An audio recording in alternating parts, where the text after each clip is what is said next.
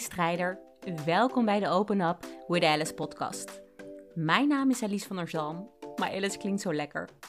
In deze podcast maak ik het onbespreekbare spreekbaar en wil ik de taboes doorbreken over zowel traumatische ervaringen als de dingen die we in het dagelijks leven tegenkomen.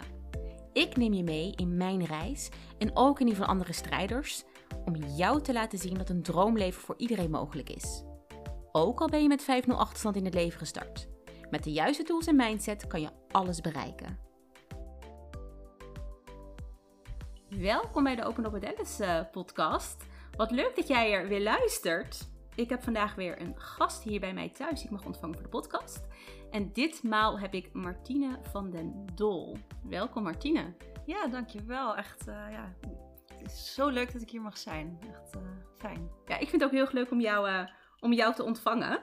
Um, ik heb jou natuurlijk op Instagram uh, heb ik jou leren kennen. Dus ik heb jou nog nooit in het echt gezien. Dus ik vond het vandaag super leuk toen ik de deur opendeed. Dat ik dacht, oh ja, ik, ik heb al het gevoel dat ik je een beetje ken, maar ik ken je eigenlijk helemaal niet. Klopt, dat moment dat je elkaar nog voor het eerst in het echt ziet is altijd bijzonder. Hè? Dat, uh, ja. Een deel van wat je verwacht klopt en een ander deel is, is anders. Ja. In jouw geval had ik zoiets van, oh, het is nog leuker. Oh, kijk, kijk, kijk.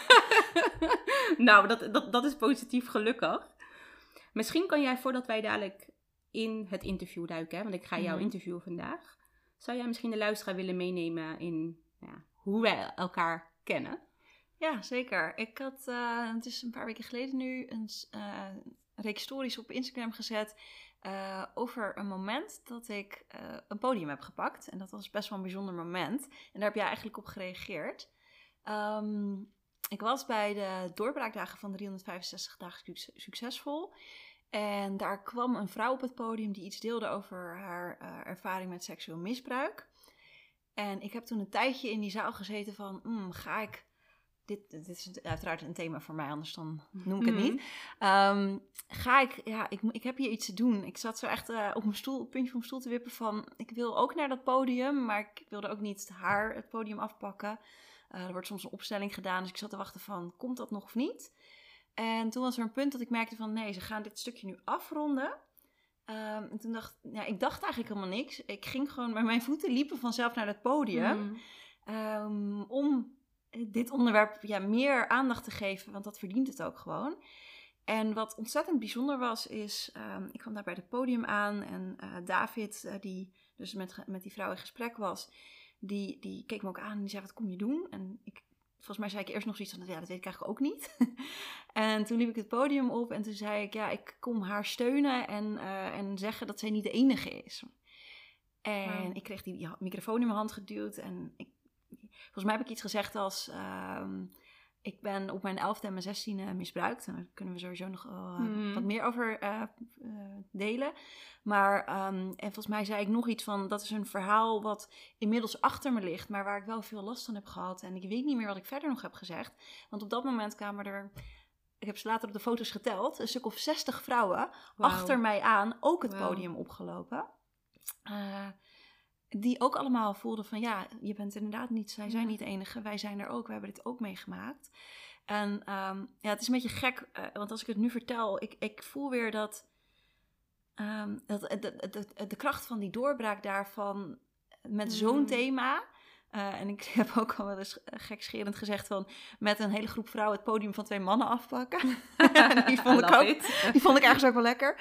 Um, ja, dat, het, voor mij is, was het echt, echt een mooi moment. Maar wel het einde, of ja, ik weet niet of het, einde is, maar een, een mijlpaal, een, een, bijzonder moment in een hele reis die ontzettend heftig is geweest. En ja. nou ja, daar er zijn, ik weet dat er heel veel vrouwen nog in dat gevecht, in die reis zitten.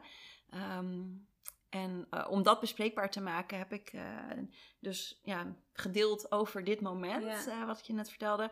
Dat heb jij gezien op Instagram en toen zijn wij in contact ja. gekomen. Ja, klopt. Ik zag het voorbij komen en ik ben natuurlijk zelf ook seksueel misbruikt. Mm -hmm. Dus ik voelde echt wat jij deed. Ik dacht van wow, jij pakt gewoon het podium. Jij maakt dit onderwerp waar zoveel vrouwen over zwijgen, waar zoveel schaamte op zit. Ja, maak je gewoon bespreekbaar, sta je er gewoon voor op. En toen dacht ik, ja, ik ga Martine, Martine sowieso uitnodigen en hopen dat ze ja zegt. ja. En, en dat zei je ook. Ja. Um, ja, ik ben heel blij ook met de uitnodiging, want daar op het podium staan, dat was ik echt mm. nooit van plan. Maar het, was, het is groter dan dat ik ben om, ja. om dit uh, onderwerp in het licht te zetten.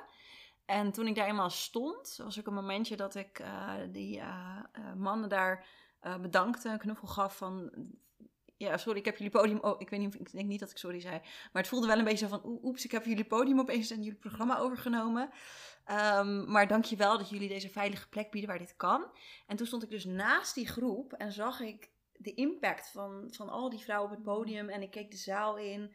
Ik weet niet, ik denk dat daar 800 of 1000 mensen zaten. Geen idee, ik kan het altijd moeilijk schatten. En die waren allemaal opgestaan en die stonden te klappen. En um, ja, toen, eh, toen voelde ik echt heel sterk mm. van, dit gaat niet over mij, maar ik heb wel een rol te spelen in, mm. in dit thema in het licht zetten. En nou ja, uh, toen dacht ik, er komt vast wel weer een moment dat ik daar een, weer een volgende stap mag zetten. Nou, toen kwam hij. toen, toen kwam ik. ja. ja, ik zeg altijd, een van mijn favoriete quotes is, als je niet meer stil kan zijn, is het tijd om te praten. Oh, wauw. Ja. ja. En, en dat, dat, dat heb jij zeker gedaan, want was dit voor jou de eerste keer dat je je ervaring met seksueel misbruik, ja, dat je daarvoor opstond of dat je dat deelde in, in een publiek? Um, wel op deze schaal. Mm, ja, ik heb, um, nou, zoals ik al zei, dit op mijn elfde meegemaakt. En ik heb tot, uh, ik denk ongeveer mijn dertigste, heb ik er nooit over gepraat. En um, daarna, ik ben nu 32, dus ongeveer de afgelopen 2, 2,5 jaar zo'n beetje, ben ik stap voor stap het gaan delen met eerst de mensen die dichtbij mij staan. En ik heb um, na die aflevering van Boos uh, over The Voice, die je ook als het ja, kennen. Ja, zeker. Uh, nou, die kwam zo hard binnen. Toen heb ik ook een video opgenomen. Uh, ook echt met gewoon de emotie die ik op dat moment voelde. En wat mij zo enorm raakte in die aflevering van Boos... is dat het zulke jonge meiden zijn die daar het lef hebben om erover te praten. En toen kon ik dus ook echt niet meer stil blijven, zoals je net ja. zegt. Uh, dus ja, zonder echt een plan of, een, of wat dan ook, heb ik gewoon die video toen op mijn eigen social media gezet. Um, dus inmiddels weten de meeste mensen die mij wel kennen, kennen dit verhaal. Maar om dan voor zo'n zaal met allemaal onbekende ja, mensen te gaan staan, dat, uh, daar had ik ook niet zien aankomen. Ja, ja. ja want even, want je, je benoemt het net al even kort. Hè, van, op, je, op je elfde jaar is er, is er iets gebeurd. Nou, iets, ja. uh, seksueel misbruik. We uh -huh. mogen het uh, beestje bij de naam noemen. We kunnen even een beetje teruggaan naar dat -hmm. stuk. Van waar is, jouw, ja. waar is jouw verhaal begonnen? Ja, en dat is een stuk wat ik dus nog nooit zo open heb gedeeld. Dus dit, um, ik kan hierover praten. En het wilde even zoeken van hoe vertel ik het. Um, op mijn elfde was ik, sliep ik ergens, en niet thuis, maar um, in een woonkamer. Ik lag daar op een luchtbed en s'nachts werd ik wakker. En um, echt midden in de nacht was het donker. Ik herinner me nog de lampjes op de dvd-speler bijvoorbeeld. En een beetje schemer die door het raam valt. En op zo'n anderhalf, twee meter naast mij word ik me ervan bewust, zie ik, een volwassen man zitten. En uh, dat is dan ja, de man die in dat huis woonde ook. En um, ik kijk hem aan en hij kijkt mij aan, dus ik schrik. Ik zie dat hij ziet dat ik hem zie. En ik zie dat hij met zijn hand in zijn boxershort zichzelf zit af te trekken. En ik wist nog, ik was elf, ik had geen idee wat hij precies aan het doen was. Maar ik merkte wel aan alles, aan zijn reactie van dit klopt niet. En de, ja, ik voelde ook gewoon de lading daarvan en dat het, dat het fout was. Um, en ik, zit, ik lig in de slaapzak, het is warm. Uh, en volgens mij werd ik wakker omdat ik eigenlijk zelf naar de wc moest. En ja, ik, ik, weet gewoon aan alles, dit klopt meer. Maar ik kon nergens heen. Ik word midden in die situatie wakker. En ik, die blik in zijn ogen vergeet ik echt nooit meer. En vervolgens, hij uh, schrikt dus volgens mij, tenminste dat is mijn interpretatie, maar hij heeft door dat ik het zie.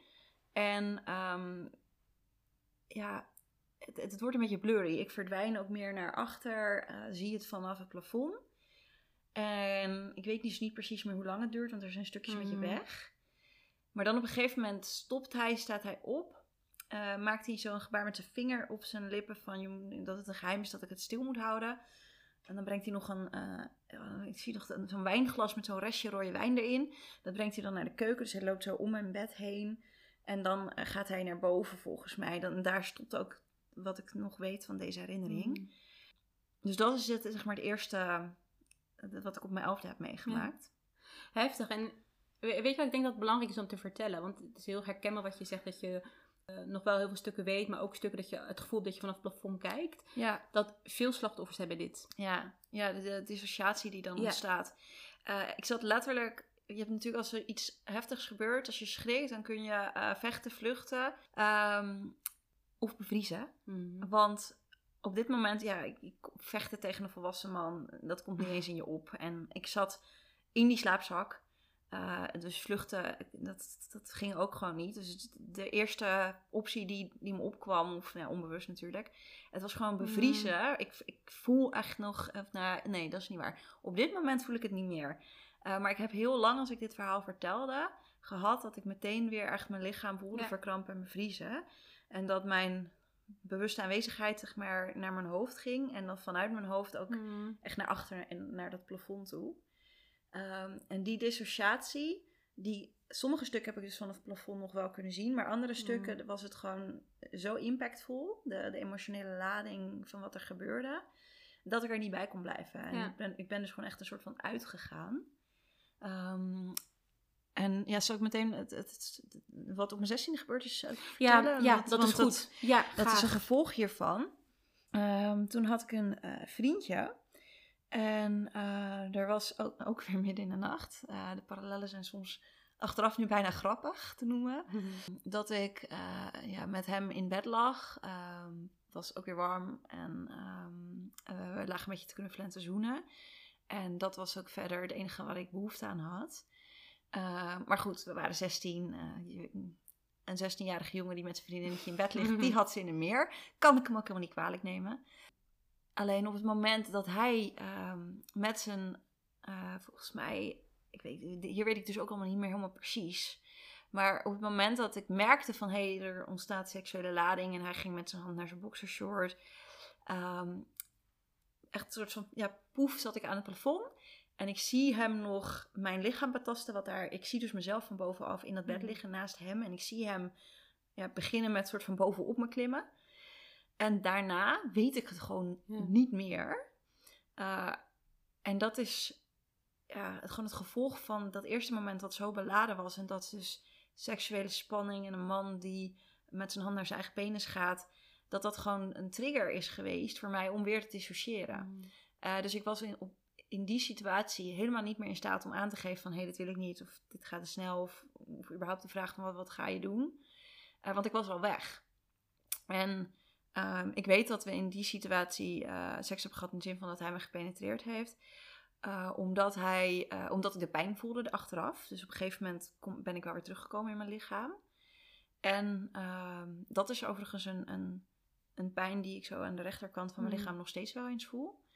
Eh, en ik weet eh, zeker dat, dit dat we seks hebben gehad, omdat hij de volgende ochtend tegen me zei van... Hey, ehm, misschien moet je toch even de morning after pill halen. Want we Ja. hadden het dus ook nog onveilig gedaan. En ja, ik heb daar heel lang ook mee gezeten van... Ja, dat schuldgevoel, dat herken je Mm. waarschijnlijk wel. Mm. Van, ik was zelf met hem in dat bed gaan liggen. Het was mijn vriendje. Ik heb geen nee gezegd. Mhm. Eh, dus, dus hoe had hij dit kunnen weten? Ehm, en daar zit best wel een, een grijs gebied van. Ja, het is zeker seks tegen mijn zin geweest. Ik, ik zou dit geen verkrachting willen noemen. Die, die, Mm. die hele discussie over definities, daar heb ik niet zoveel vertrek in. Waar het voor mij om gaat, is er is daar toen op mijn zestiende en op mijn elfde Ja. zijn, Ja. zijn, is, het, is twee keer iets gebeurd dat een man een seksuele handeling heeft verricht die ik niet wilde, waar ik geen toestemming voor heb gegeven. En die zo'n lading heeft Mm. gehad, dat dat gewoon jarenlang impact heeft gehad op mijn leven. Ja. ja, want eigenlijk wat op jouw elfde is gebeurd, dat heeft er eigenlijk ook weer voor gezorgd dat het op je zestiende Ja, eh, het volgende eigenlijk gebeurde. ja zeker. En Ja. die, ehm, ja, je, je kunt niet, kan niet echt zeggen wat nou heftiger is geweest, maar het feit dat, Mhm. dat, op mijn elfde, dat ik op mijn elfde seksueel misbruikt ben, dat is gewoon echt misbruik. Dus een machtsverhouding van een volwassen man Ja, in een huis waar ik logeer. Ja. Ehm, die man die had op me moeten letten en voor me moeten zorgen. Ehm, eh, in- en in plaats daarvan gebruikt hij mij voor zijn eigen behoeften. Mhm. Dat is misbruik. Wat er dan vervolgens op mijn 16e gebeurt, is dat op het moment dat het spannend wordt, dat het een seksuele lading is, dat ik al gedissocieerd was voordat ik überhaupt door had wat er aan de hand Mhm. was. En daarin, daardoor heeft die, dat vriendje seks tegen mijn zin met mij kunnen hebben. En, en daar gaat het voor mij niet meer over een schuldvraag in die zin. Dat is gewoon een, een vervolg. En zo zijn er daarna in mijn leven nog wel meer momenten geweest. Waarin ik eh, soms wat meer, soms wat minder bewust daarbij kon zijn.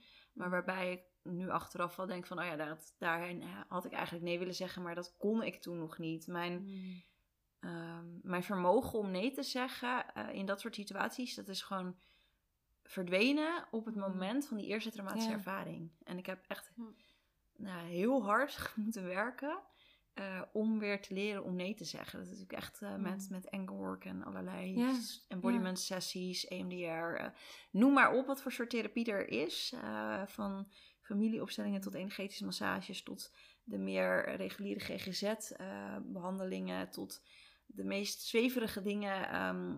zwe- en zweverig vind ik eigenlijk niet eens zo'n fijn woord, maar de, de dingen die wat minder gangbaar, wat spiritueler zijn en waarvan ik soms ook niet helemaal snap hoe ze werken. Ik heb het allemaal geprobeerd en gecombineerd in, in een eh, zoektocht naar, ja, dit, dit moet anders kunnen en Mm. ik wil niet meer zo leven. Ja, ik, ik vind het heel interessant wat je benoemt, want dit is waarom het denk ik zo lastig is om hierover te praten. Ehm, hè, precies wat je zegt, ik heb geen nee gezegd. Ik, ik, was, hè, ik, ik, ik, Ja. ik, ben- ik probeer even te kijken hoe ik het in Jip en Janneke taal kan Mm. uitleggen. Van, je, je gaat letterlijk ehm, uit je lichaam, dus je Mhm. kan geen eens nee ge- zeggen. Als zou je het willen, je bevriest letterlijk. Ja. Waardoor het voor vrouwen natuurlijk heel moeilijk is van, ja, maar ik heb geen nee gezegd. Ja, maar ik ging zelf met hem in bed liggen. Ja. Ja. Ehm, maar Geen nee betekent niet dat je ja hebt gezegd of dat het iets Ja. is wat je wilde. Ja, ja. En ik denk dat dat heel erg belangrijk is dat we dat bespreekbaar maken. En ook om te laten zien wat dus hè, de ervaring die je hebt op 11-jarige leeftijd, wat dat ook nog op een latere leeftijd met je kan doen. Want hè, op je 11 is dat gebeurd op je 16e. Nou, je hebt meer ervaringen meegemaakt. Ja, Maar- ik heb niet eens zin meer om die allemaal op te noemen, want dat, dat, Ja. volgens mij is het punt duidelijk. Ja, ja. Maar waar ik heel erg benieuwd naar ben, is van hoe kwam jij dan op een gegeven moment achter dat je, ja, ik, ik mag het denk ik wel een trauma noemen, Ja, dat, dat je een trauma had. Ja, eh goede vraag. Ehm, wat ik al zei is, eh, ik heb het dus jarenlang eh, voor me gehouden. Eh, ik voelde me ook totaal niet, ik voelde me en een, een mix van schuldig, ik schaamde me ervoor. Ik wist niet wat er precies gebeurd was, dus hoe ik dat onder woorden moest brengen. En ik had niemand in mijn omgeving waar ik dat aan durfde te vertellen. Ehm, en wat er voor mij gebeurde, en ik heb, ik heb het idee dat ik heb een aantal andere vrouwen, inmiddels best wel veel andere vrouwen gesproken, die herkennen dat wel. Eh, op het moment dat je dus uit je lichaam gaat en daarna weer terugkomt, dan eh, zit je voornamelijk in je hoofd. Want de traumatische ervaring, die zit in je lichaam opgeslagen. En die pijn wil je niet voelen. Ehm, dus er ontstaat dan, ehm, wat ik ook wel eens een, een psychische dwarslezing noem. Een soort, eh, ja, ik maak een gebaar nu, Mhm. zeg maar, langs mijn keel. Dat alles wat in je lichaam zit, al die pijn, die hou je ehm, ja, verborgen. En je leeft vanuit je hoofd verder. Nou, dat heb ik heel lang eh, volgehouden. Tot ik op eh, mijn 28ste gewoon ja, letterlijk ben omgevallen met een burn-out. Ehm, zo fysiek uitgeput dat ik niet meer door kon gaan. Eh, omdat ik niet luisterde naar mijn lichaam. Mm. Want alles wat, wat mijn lichaam aangaf, ja, dat, dat, dat kwam niet binnen. Want dat, er zat echt een blokkade tussen mijn lichaam en mijn hoofd. En ik ben als wandelend hoofd gewoon echt die burn-out ingerend. Ehm, en in eerste instantie dacht ik dat dat kwam omdat ik op mijn werk te veel verschillende dingen aan het doen was. eh, dat dat heeft opgestapeld en dat, dat het ook weer aan mij lag dat ik te veel wilde. Ehm, en hoe ik dat nu zie is, ik ben zelf, reed ik heel hard zeg maar, ik ging heel hard. Ehm, en in mijn omgeving was er ook niet echt een, een vangrail, iets wat mij hielp om af te remmen of Mm. ehm, ja, te zorgen dat het niet zo ver ging. Maar ik wilde daar ook niet echt naar luisteren. Want dan zou ik, als ik wat meer rust zou nemen, de pijn gaan voelen van die traumatische ervaringen die niet verwerkt waren. Er kwam op een gegeven moment een moment dat ik na die burn-out er een beetje hersteld was en wat weer wat dingen ging doen, maar weer een terugval had. En toen heb ik eigenlijk het ehm, geluk gehad dat ik in contact kwam met een, ehm, een vrouw die eh, samen met haar partner eh, een opleiding traumaseksualiteit eh geeft. En zij herkende het patroon van eh, ja, die psychische dwarslesie, die innerlijke verdeeldheid noemen we het ook wel. Ehm, en dat gedissocieerd door het leven gaan. En zij wist op de juiste manier ehm, het gesprek met mij aan te gaan over: hey, ik zie dit patroon bij je. Ehm, ik, eh, wij starten weer een nieuw traject, een groep die, eh, die deze opleiding gaat volgen. En ik denk dat jij daar heel veel aan hebt. En ik had al eh, psychologie gestudeerd, een coachopleiding eh, gedaan waar ik haar ook van kende. En ehm, ergens dacht ik, ja, trauma, seksualiteit Mm. en mis- seksueel misbruik, daar heb ik niet echt iets mee. Ik, ik was me er gewoon niet bewust van toen nog. Dat ik dit had meegemaakt en dat dat, dat, dat, dat zo gelinkt was Mm. aan alles waar ik last van had. Maar zij ehm, wist het ook zo te voeren van ja, ehm, het kan ook nog te maken hebben met machtsmisbruik. eh, en daar kon ik dan nog wel iets meer bij voelen. En ehm, zij noemde het toen emotionele verwaarlozing. Ehm, en toen ik zeven was, is mijn moeder voor het eerst depressief geworden en daarna nog een aantal keer. Dus ergens kon ik me wel wel, Ja. kon, kon mijn hoofd kon wel accepteren, want toen zat ik echt volledig in mijn hoofd. Mijn hoofd kon wel accepteren dat ik waarschijnlijk toch wel ergens een keer wat emotionele steun had gemist eh, in de tijd dat mijn moeder dus ziek op bed lag en mijn vader in zijn eentje voor drie jonge kinderen moest zorgen. Ik was zeven en ik heb een Hmm. eh, zusje dan van, die was toen vijf en mijn broertje was drie. Ehm, dus met dat idee kon ik mijn hoofd overtuigen. En ergens voelde ik toch voorzichtig in mijn Mhm. lichaam wel. ehm, en volgens mij had ik al wat eh haptonomie en dat soort dingen geprobeerd. Ergens dus voelde ik wel van, ik heb hierbij te zijn. En ik wist nog niet precies waarom, maar ik heb ja gezegd tegen dat traject. Nou, en daar is echt wel heel veel losgekomen. Want hoe oud was jij toen je dat traject ging volgen? Ehm, ik was, eh, ik denk 29, net 30, Ja. zoiets, eh, toen ik daarmee begonnen ben. Dus zo tweeënhalf jaar geleden nu. Ja, want het is interessant, want je vertelt dat iets gebeurt op 11-jarige leeftijd. Ja, Eigenlijk neem je ons ook heel erg mee in, in het effect. Hè? Mhm. Ook, ook dus dat je heel erg in je hoofd gaat leven, dat je minder kan voelen, waardoor je dus constant in ja, die knalmodus staat, als ik het zo mag noemen. Burn-out gekregen, ja. wel hulp gezocht. Waarschijnlijk hulp gezocht voor je burn-out, maar eigenlijk zat er natuurlijk iets onder wat je nog niet wist. klopt. Oké. Ja. ja, en burn-out is natuurlijk, eh, ik weet niet hoe dat nu is, maar er was in ieder geval toen nog geen officiële eh, stoornis in de DSM. Dus dan kunnen Mm. psychologen je daar niet mee helpen. Dus dan gaan ze zo'n diagnose stellen. Volgens mij hebben ze in eerste instantie zo'n depressieve stoornis of angststoornis van gemaakt. Want dat dan, Ja. je, nee, je weet hoe het werkt. Ehm, maar toen was ik een beetje dus opgekrabbeld en dat hielp Ja. niet. Dus, en wat ik, inmiddels had ik toen wel het besef van... ehm, ik schaamde me ook enorm voor die burn-out. Ik had psychologie Hmm. gestudeerd en dan zou ik toch beter moeten weten. Nou, er stond een heel, Ja, heel, ja, hele drempel bij.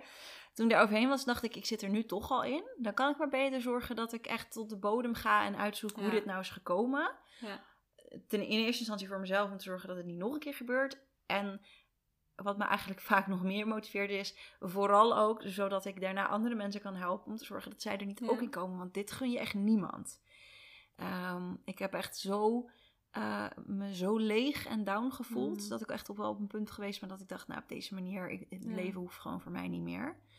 En dat was wel het moment dat ik besefte, dit ben ik niet. Want ik was altijd gewoon vrolijk en enthousiast nieuwe dingen proberen. En Mm. ja, eh, dood willen was wel echt het punt dat ik dacht, ik heb serieus andere hulp nodig. Dit, En toen had ik dus al best wel eh één of twee jaar of zo allerlei therapieën Ja. gevolgd. Eh, dus dat is het moment dat ik ben gaan zoeken naar wat, ja, wat, wat, wat, wat kan er nog meer zijn. En zo ben ik op dat pad Ja. eigenlijk gekomen van, ja, dat als je er dus nu een nieuwe diagnose op zou stellen, dan zou dat PTSS, eh posttraumatische stressstoornis zijn. Ja.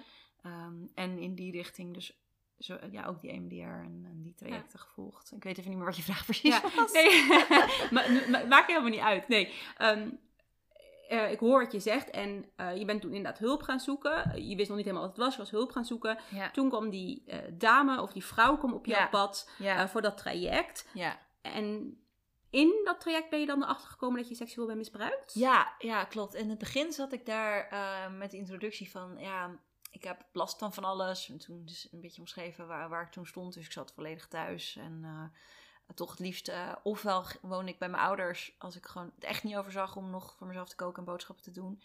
Eh zo een tijd geweest dat ik gewoon letterlijk niet naar de supermarkt durfde. Dat kwam iets later. Eh, maar, en ik, of ik zat veel op mijn, eh, mijn eigen ja, zolderkamertje, noem ik het Mhm. altijd. Ik had een appartementje, ehm, eh, ja, wat gewoon echt de tweede verdieping een veil- mijn veilige plekje was. Mhm. Maar je brengt dus om de beurt iets in in die groep. Eh, en ik had het al een keer gehad over eh, dat ik 16 was. En dat eh, die eerste seksuele ervaring met dat vriendje gewoon voor mij helemaal niet fijn was. En ik kon het nog niet zo goed plaatsen. En ik wist nog niet zo goed wat er dan gebeurd was. En toen ik dus aan de beurt was om verder toe te lichten waar ik het over wilde hebben. Toen zei ik, ja, het was voor mij ook een... ver- ja, het kwam me op dat ik zei, ja, ik wil het eigenlijk helemaal niet over het vriendje hebben, maar ik wil het over de buurman hebben. En terwijl ik het zei, raakte ik zelf een soort van in de war en verbaasd van, wat, maar waarom dan? En toen zijn we dus een, ehm, een sessie ingegaan, eigenlijk binnen die opleidingsdag.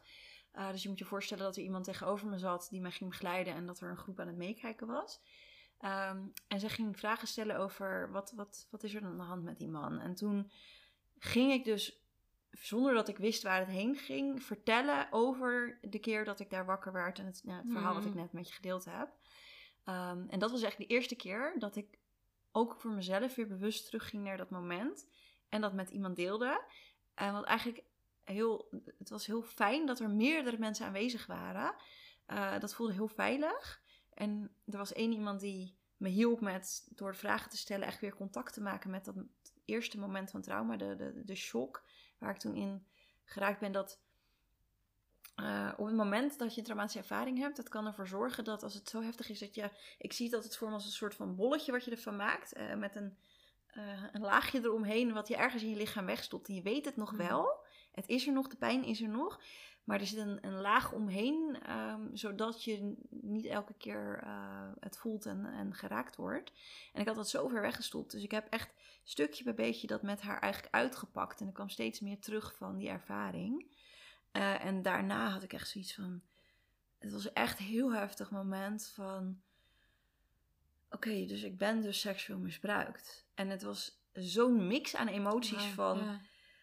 Wow, dit is. Dit, eh, je hoort het wel eens van anderen, maar dit is mij dus ook overkomen. En tegelijkertijd was er dus. Het gekke ervan was, was dat het een enorme opluchting was. Want opeens was alles waar ik in mijn hele leven, mijn bewuste leven, zeg maar. ehm, mee heb geworsteld. Van het gevoel hebben dat ik anders was, dat het in mij lag, dat ik er niet mag zijn, dat, ehm, dat ik moet opletten, dat mannen gevaarlijk zijn, dat ik. ehm, altijd heb ik geworsteld met of ik me nou vrouwelijk wilde kleden of mannelijk wilde kleden. Ik, ben, ik heb wel altijd het gevoel gehad van, ik ben, het klopt dat ik in een vrouwenlichaam zit, dat wel. Maar wel van, ik moet dat lichaam verbergen. Ehm, en, en ook heel erg, eigenlijk was het niet mijn lichaam. Het is meer, ik, ben, ik heb een Mhm. hoofd en ik heb, ik ben, ik zit in mijn, ik zat in mijn hoofd. En dat lichaam was voor mij eigenlijk net als dat je in een auto rijdt, een soort verlengstuk wat je Mhm. gebruikt, een middel om makkelijk van A naar B te komen. En op die manier ben ik ook mijn burn-out ingegaan, omdat ik Ja. ja, gewoon niet doorhad dat mijn lichaam is eigenlijk een prachtig levend iets waar je, wat je liefde mag geven, waar je voor mag zorgen. Maar dat, Ja. daar, eh, opeens viel het allemaal op zijn plek. Dat, dat één traumatische ervaring me zo, zo'n impact op me heeft gehad dat alles waar ik, waar ik me schuldig voelde, waar schaamde, eh, mee worstelde en die burn-out, eh, maar ook alle relaties die niet werkten.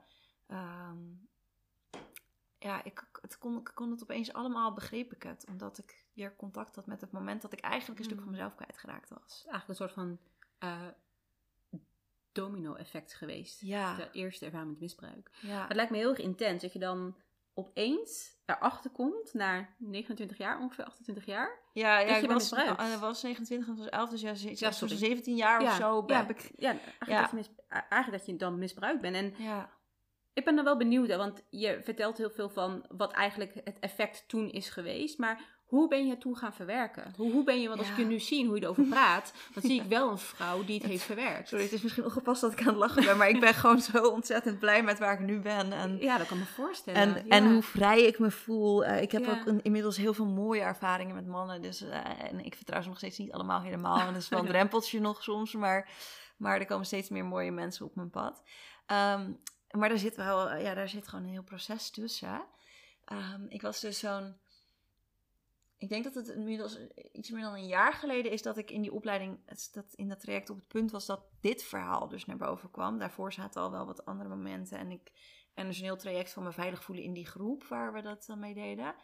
Ehm, op dat moment, eh, ja, het moet dus iets langer geleden zijn. Maar het- het- tijd maakt niet uit in mijn hoofd, dus zie ik altijd zo'n Mhm. tijdslijn voor me. Maar het- het- toen ik dat verhaal in die groep had verteld, ging ik die avond ook naar ehm, eh, een- het huis van, waar, eh, van iemand waar ik toen een relatie mee had. Die ken ik nog helemaal niet zo heel lang. Nou, en ik kom compleet van de kaart eraan. Dus ik heb hem meteen ook maar gewoon verteld van... ja, ik ben net tot deze ontdekking gekomen. Hij reageerde ontzettend helpend. Hij werd echt een soort namens mij boos van... oké, wie was dat, die, die volwassen man? En ehm, hij was in staat, niet letterlijk... maar wel met die kracht van... oh, ik ga je verdedigen, ik ga dit rechtzetten. Uh, moeten we hem aangeven of moet ik hem pakken? Of dat, zeg maar. En wat ehm, eh, eh, gewoon voor mij zo fijn was van... oh, er is iemand die mij wil verdedigen. Want dat had ik ook al die tijd gemist omdat ik natuurlijk ook niemand wist ervan. Dus er was ook niemand die de kans had om me te verdedigen. Niemand die door had dat, dat ik iets had meegemaakt dat zo'n impact had. Eh, dus hij- heeft een belangrijke rol daarin gespeeld om er op die manier voor me te zijn. Eh, en ja, gewoon de, de keren daarna in de groep. Maar ook ehm eh, embodiment sessies. Eh, in het begin deed ik heel veel dingen online. Omdat ik dan veilig vanuit mijn eigen zolderkamer... eh, er was Dieke, een vrouw die in Bali woont...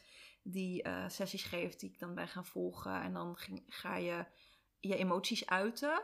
ehm, door te bewegen, adem te halen en geluid te maken...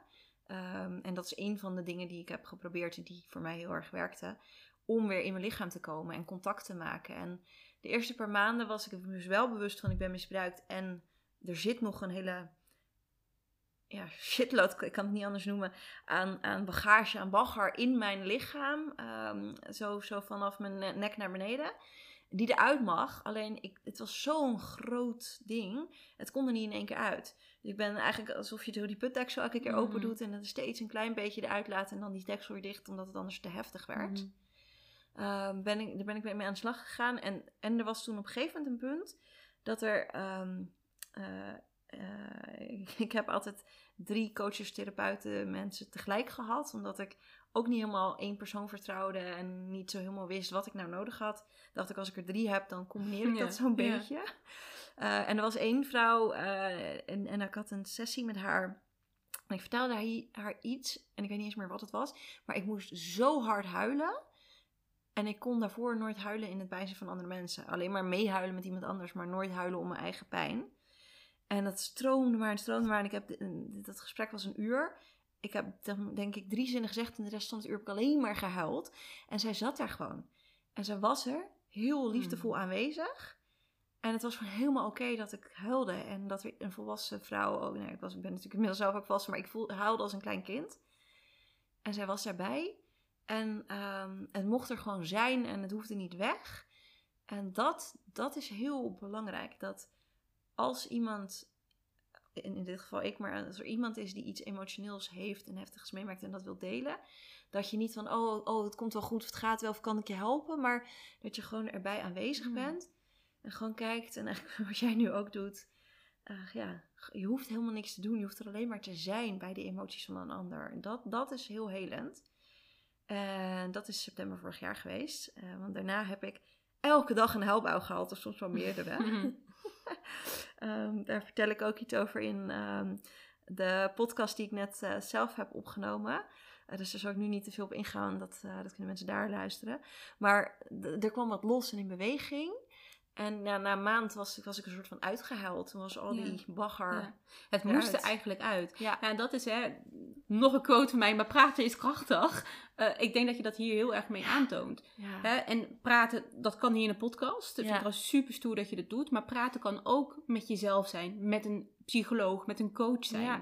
Ja. Ja, ja en met, met, met mezelf. Ik, ik neem dus audiodagboeken op. Want schrijven, dan blokkeert het bij mij een beetje. En dan, ik denk dan sneller dan dat ik het kan opschrijven.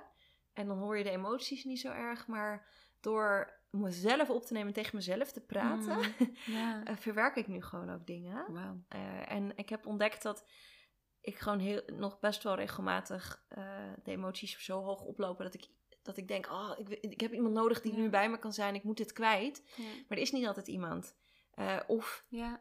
Ja. of degene waar je dat bij kwijt zou willen heeft zelf op dat moment iets, iets te doen of een emotie. En daar heb ik dan weer geen ruimte voor. Of soms is het gewoon letterlijk midden in de nacht. Mhm. En ehm, ik heb ontdekt dat ik dan gewoon ja, door mezelf op te nemen eh, tegen mezelf kan praten. En dan kan ik het eventueel terugluisteren. Soms doe ik het wel, soms niet. Mhm. Maar dat is voor mij ook een hele helpende manier om, het te kwijt te ja. kunnen. Oh, en veilig, want ik weet zeker dat mijn, mijn telefoon die dat aan het opnemen is, die heeft er geen oordeel over. ja. Dus dat is ook wel lekker. En, oh, sorry, ik zit lekker jouw tenen aan te stoten. Het wordt gezellig hier.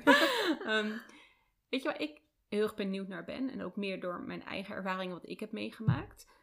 Ehm, ik ben ook best wel een tijd boos, gewe- boos Ja. geweest op de daders. Er heeft heel veel onbegrip. Her- herken jij dat? Ja, ja, zeker. Ehm, vooral ook op momenten dat eh, bijvoorbeeld die relatie die ik toen had niet lekker liep, omdat ik blokkeerde in het bijzijn van, he- van hem, van een man. Eh, dat merkte ik met, met ongeveer alle mannen. Dus er is echt een tijd geweest dat ik gewoon alle mannen uit mijn leven aan het vermijden was, behalve mijn vader, mijn broertje en mijn vriend dan. Ehm, en dan was ik zo boos op die dader. Ehm, dat van hoe iemand die dus gewoon, nou ja, wat zeg maar bijna twintig jaar geleden iets gedaan heeft, waar ik nog steeds zo'n last van heb, gewoon dag in dag uit. Uh, en het heeft me uiteindelijk, ja ik, ja, weet niet of ik het zo kan zeggen, maar op, sommige momenten voelde het me van dit, dit gaat me, dit, heeft me die relatie gekost. Want ik ben niet meer samen met deze uh, relatie die ik toen had. Um, ik, en dat, dat is dat, ja, dat enorme frustratie. Um, wat ik wel heb kunnen doen, uh, is, het is goed om boos te zijn. En ook, ik heb geschreeuwd. Ik heb zelfs in een uh, bondingtherapie met een honkbalknuppel op een, een bokzak geslagen om mm. alles wat ik die man nog wilde vertellen eruit uit te gooien. Um, ik heb, die, die man leeft niet meer, dus ik heb niet de kans gehad aan de ene kant om nog direct daar iets in te doen. Aan de andere kant is het ook niet nodig om de dader zelf aan te spreken. Dat kan, kan helpend zijn in sommige gevallen als die goed kan reageren. Maar het kan ook heel goed zijn dat je, als iemand nu luistert en denkt: ja, ik wil mijn, mijn dader confronteren. Um, het kan ook zeg maar het erger maken. Want als diegene er het niet kan horen, um, dan kun je het misschien beter tegen een bokzak zeggen. Want die oordeelt niet, die reageert, ja, die, die, die, die gaat slingeren als je hem slaat, mm. zeg maar. Dan, dat, dat is lekker om, om die woede eruit te gooien. En daarna heb ik uh, een, een draai kunnen maken naar dat die frustratie, boosheid is ook energie. Alle emoties zijn energie en motie in beweging. Uh, daar staat emotie voor, zo, mm -hmm. zo, mhm. zie ik het altijd. Um, en als je die energie, in plaats van nog richting de dader uh, met een negatieve lading eruit, kun je het ook de energie als kracht vooruit gebruiken naar: oké, okay, het verleden is gebeurd, dat kan ik niet meer veranderen. En uh, wensen dat het verleden anders is, is verspilde energie. Mm-hmm. Maar ik kan wel deze frustratie-energie als kracht gebruiken om nu te zorgen dat mijn toekomst er anders uit gaat zien. En eh, dat, je, je hebt alleen maar hier en nu. Je kunt alleen maar hier en nu iets doen. Dus ik kan nu elke keer een stapje nemen, een besluit nemen, uh, om iets te gaan doen wat mij verder helpt. En, uh, en ja, vanuit die kracht ben ik dus al, al die verschillende ja. dingen gaan, gaan doen om dat te vinden, de weg te vinden voor mij om me te bevrijden eigenlijk van die ballast. En, ja, en nu hier te kunnen zitten en daarover te kunnen praten en te denken, ja, die dader die had dat niet mogen doen. Natuurlijk had ik liever gehad dat het niet gebeurd was. Maar het is al gebeurd. Ja. Uh, de impact en al die ja, verloren jaren noemen ze het in de opleiding die ik heb gedaan, um, die zijn ook al verloren. Maar ik, ik leef nu nog. Mm. Um, en in plaats van mezelf nog steeds als een slachtoffer te zien van, van misbruik. Um, ik, uh, ik heb het overleefd. Ik ben mm. niet, niet dood gegaan aan de ervaring, hoewel ik dat op sommige momenten misschien mm. liever wel had gehad. Of dat het zeg maar zo intens was dat ik, mm. dat, ik dat had gewild. Um, maar ik heb het overleefd.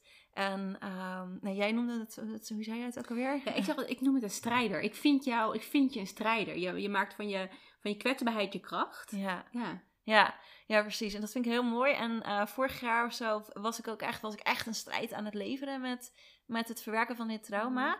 En inmiddels voel ik me echt een, uh, een overwinnaar. Ik heb die strijd gewonnen.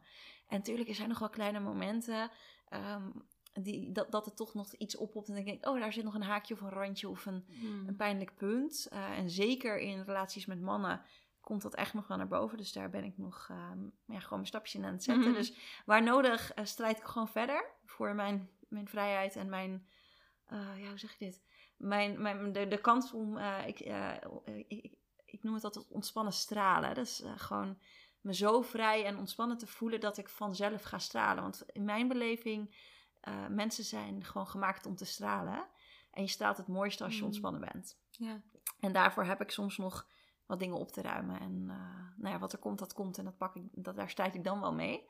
Maar overal heb ik deze uh, strijd al gewoon al. Ja, dus ben je een overwinnaar. Ja. Ik weet nog dat je dat in de intake zei. En dat ik het ook echt heb opgeschreven. Je zei tegen mij van slachtoffer naar overlever naar overwinnaar. Mm -hmm. En toen dacht ik, ja, strijden is ook heel krachtig. Maar het is, ja. betekent eigenlijk nog steeds dat je soort van aan het vechten bent. Ja, dan zit je er nog in. Ja. En, en er zullen ongetwijfeld mensen zijn die nu Um, ik denk dat we dat. dat uh, nou, als ik denk aan die 60 vrouwen op het podium. Daar zitten uh, strijders tussen die nog de strijd aan het leveren zijn. Uh, ik hoop dat daar ook al een aantal overwinnaars tussen zitten die ook denken: ja, het ligt echt achter me. Uh, misschien zitten daar ook mensen tussen die zich een overlever voelen Ja. van ja, ik heb het meegemaakt, eh, ik leef nog en ik, en ik kies er nu bewust voor om te leven en, en te zorgen dat de Mhm. rest van mijn leven anders gaat zijn. En eh, ik denk dat er eh, niet op het podium, maar ik weet zeker in de zaal, ook mensen zitten die zich echt nog identificeren met ik ben slachtoffer hiervan. Die zijn Ja. ook naderhand naar mij toegekomen. Het is, ik ben overspoeld door reacties. Alle mensen, als, je, als ze nu luisteren, ook ontzettend dankbaar voor, voor de reacties die ik heb gekregen op dat moment. Ehm, ik was niet degene die op dat podium ben gestaan. Het is echt ge- ge- gedreven Ja. door iets groters. Ehm, maar ik heb heel veel eh, mensen ehm, gehoord die, waarvoor het echt ook verschil heeft gemaakt dat dat podiummoment geweest is.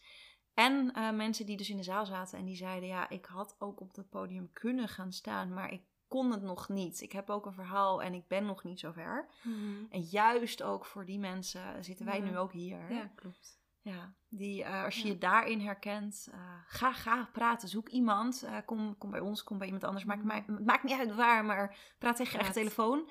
Of schrijf het op als je meer een schrijver bent. Maar ga Mhm. uiten wat je hebt ervaren. Of als je denkt, deze podcast raakt me enorm. Ik heb niet het idee dat ik iets heb ervaren. Of ik weet niet precies wat. Maar, maar, maar, Mhm. maar je voelt wel... Als je iets voelt gebeuren hier bij dit verhaal... Dan, dan heb je waarschijnlijk nog iets te doen op dit vlak. Ja. Ja. Ja, ik zit ook naar de microfoon te kijken. Want ik heb echt gevoel dat ik, ik weet niet Ik tegen wie ik praat, maar Ja. als je als je je gehoord voelt, ga, ga, ga het uiten. Want je Mhm. hoeft niet als slachtoffer de rest van je leven te leven. Je bent geen slachtoffer, je hebt iets meegemaakt en je bent veel krachtiger dan dat. Ik vind het een hele, hele mooie boodschap. Ik heb toch nog één vraag voor jou, Mhm. voordat ik een beetje naar de, afsluiting, Ja, eh, naar de afsluiting ga. Ik zie dat we al bijna drie kwartier aan het Ja. praten, praten Oh zijn. wauw, gaat hard. Ja, je mag me alles vragen. Geldt ook voor andere mensen als ze nog iets willen weten of zo. Eh, ik sta daarvoor open. ja, waar, waar ik nog even benieuwd naar ben, ehm, heb jij de dader kunnen vergeven? Ja, ja, ja. Oh ja, oh, wat, wat grappig dat ik daar niet eens meer over na hoef te denken. Dat is ook wel weer lekker. Ehm, ja, eh, mijn visie daarop is ehm, dat mensen, daders, eh, en daders zijn ook belangrijk om even te zeggen, dat heb ik volgens mij in het begin nog niet gedaan. Eh, er zijn niet alleen maar mannen die vrouwen misbruiken. Ik ken, ze in, ik ken man- mannen die mannen misbruiken, maar ook vrouwen die vrouwen misbruiken of vrouwen die mannen misbruiken. En dat is misschien die laatste nog wel moeilijker om over te praten. En dan heb je nog de hele categorie van non-binaire mensen. Nou ja, maar in dit geval was het een man. En ik denk dat deze man niet bewust mij pijn wilde doen of mij wilde gebruiken. Eh, hoe het voor mij voelt nu is, eh, hij, heeft, hij had zo'n sterke behoefte, zo'n ja, verlangen naar iets wat hij niet op een andere manier heeft kunnen vinden en kunnen krijgen. Dat vind ik eigenlijk heel zielig, heel sneu. Dat hij eh, als volwassen man dus een meisje van 11 nodig had om aan een bepaalde behoefte te voldoen. En ehm, Mhm. dat kan eh, iemand anders pijn doen, kan eigenlijk in mijn beleving alleen maar vanuit zijn eigen pijn komen. En ehm, in die zin, eh, ja, eh, geloof ik dus dat daders eh, dat altijd doen vanuit een plek die, waar, waar ze eigenlijk ook gewoon niet in zouden mogen zitten of zo. Ja, hoe zeg je dat? Ehm, ik denk dat, eh, slag, dat, dat mensen die dader zijn geworden, die zijn dat niet zomaar. Die hebben zeer waarschijnlijk zelf iets meegemaakt. Dus Ja. sommige slachtoffers die worden daarna zelf een dader. En waarom ik ook hier juist over wil praten, is om te zorgen dat slachtoffers eh, overlevers en overwinnaars worden. Mhm. De strijd leveren met zichzelf en in zichzelf.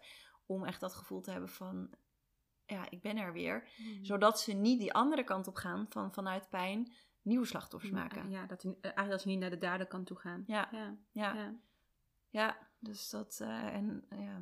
Mm, Ik heb nog een heel verhaal over daders. En ik, ik heb in de laatste tijd wat gesprekken met mensen die meer aan die kant zitten. Of met mannen die bang zijn om als dader gezien te worden. Ehm, ik denk dat dat te veel is voor nu. Maar daar, Ja. ehm, ja, het belangrijkste voor die mensen is eh, dat ik mannen ook weer gun dat ze niet te voorzichtig gaan worden. En bij twijfel vraag gewoon Ja. of iets oké is. Ik denk dat dat de meest Ja. simpele oplossing eigenlijk voor Ja. alles is. Ik denk ook een mooie, want ehm, je, je benoemde net al heel kort dat je een eigen podcast eh, bent gestart. Dus misschien een mooie, een mooie aflevering voor op jouw eigen podcastkanaal om het daarover te hebben. Want eh, dit, dit is zeker ook belangrijk. We hebben het wel heel vaak over vrouwen die misbruikt zijn. eh, maar één, hoe voelt een man zich eh, hierin? Eh, twee, mannen worden inderdaad ook, ook misbruikt. Ehm, dus zeker ook een onderwerp waar, waar we over mogen praten en waar we over na mogen, mogen Ja. denken. Ja. Zeker. Ik schrijf het even op, want dat is een heel goed idee om daar eens uh, een aflevering ja, te leiden. Ja, dat zou ik zeker doen. Ja. En wat nou als mensen dit horen en denken van oké, dit verhaal inderdaad raakt me. Of ik ben benieuwd naar de, eigenlijk naar de podcast ook, ook van Martine. Hoe kunnen mensen jou vinden en contacten? Ja, nou ik deel het meest op Instagram. Het meest open en eerlijk ook. Uh, dat is martine.vandendol. Uh, nee, nee, niet .com, dat is de website. Uh, Martine van den Dol. En van den Dol is met D-E-N. en dan Dol is D-O-O-L. Ja. Um, zullen we waarschijnlijk ook wel taggen. Um, dus daar. En de podcast zelf is Ontspannen Stralen met Martine. Um, daar ga ik nou, binnenkort dus ook over daders hebben nu. Mm. Uh, maar steeds een stukje van, uh, van wat ik tegenkom, wat ik zie en waarvan Ja. ik denk dat het goed is dat het besproken wordt uh, delen als het gaat over dit en misschien ook nog andere thema's. Ja, ja. Ja. ja. ik zal zeker, ik zal je zeker op Instagram ook checken. En onder bij de podcast, bij de show notes, kan je ook die Mm. informatie vinden van Martine. Dus wil je haar contacten? Ehm, ja, je merkt het, ze is heel erg open. Ze staat hier voor, voor open om ook met jou in contact te komen. Dus doe dat zeker. Ja. Ehm, ja, hoe meer mensen hierover gaan praten, hoe beter eigenlijk. Um, het is, ik heb in het begin heel erg geworsteld met dat, omdat het een thema is waar bijna niemand over praat, moet je er zelf over beginnen. mm, Uh, en dat wil ik juist nu veranderen. Dat, er dus, dat wij hier al over praten, zodat mensen die hier nog niet zo ver zijn om er makkelijk over te praten, nu weten waar je in Ja. ieder geval veilig Ja. terecht kunt met je verhaal. Ja. Ja, want Ja. jij doet ook, dat is misschien nog even interessant voor ik naar de laatste vraag ga.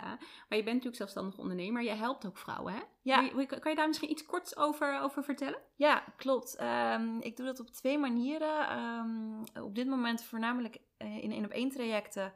Eh, dus ja, vrouwen kunnen bij mij komen. En dan werk ik intuïtief met een combinatie van opstellingen en psychodrama. Waarbij we dus niet alleen maar gaan praten over wat je hebt meegemaakt. Want dat is wel de eerste stap om, om nou ja, te gaan erkennen dat je een verhaal hebt. eh, wat je nog mag verwerken. Een traumatische ervaring, hoe je, wat je, hoe je het ook kan noemen, dat je misbruikt bent. Maar daarna gaan we in eh, de manier waarop ik werk. ehm, eigenlijk vrij snel met bijvoorbeeld stoelen of voorwerpen eh, het neerzetten. Omdat je het vaak op een eh, lichamelijk en op een dieper niveau, emotioneel en energetisch hebt ervaren.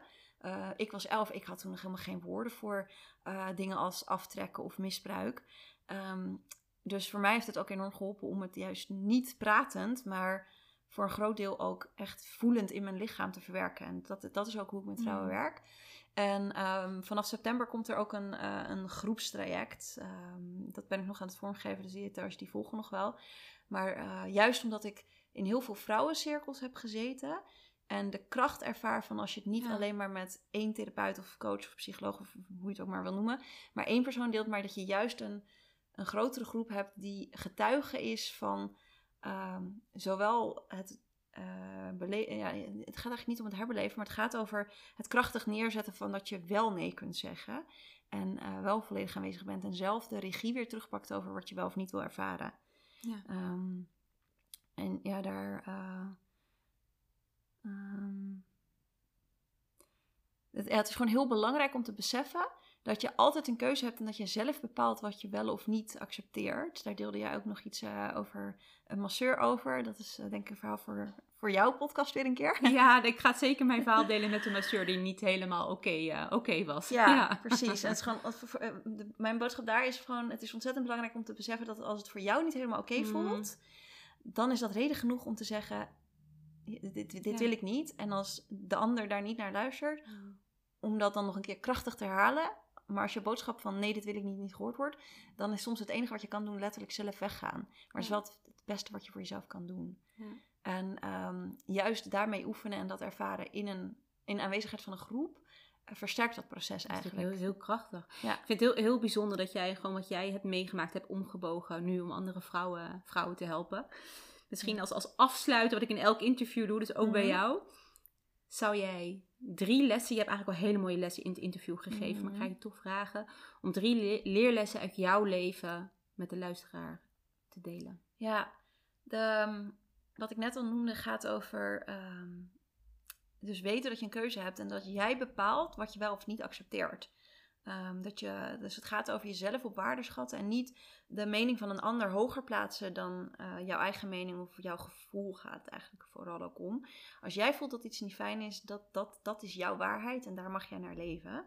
Ehm, en als je voor jezelf heel helder hebt wat die standaard is, Ehm, dan kun je daarmee ook dat naar anderen communiceren. En dat is een hele belangrijke. Wat ik iedereen wil meegeven is: het maakt niet uit wat je hebt meegemaakt.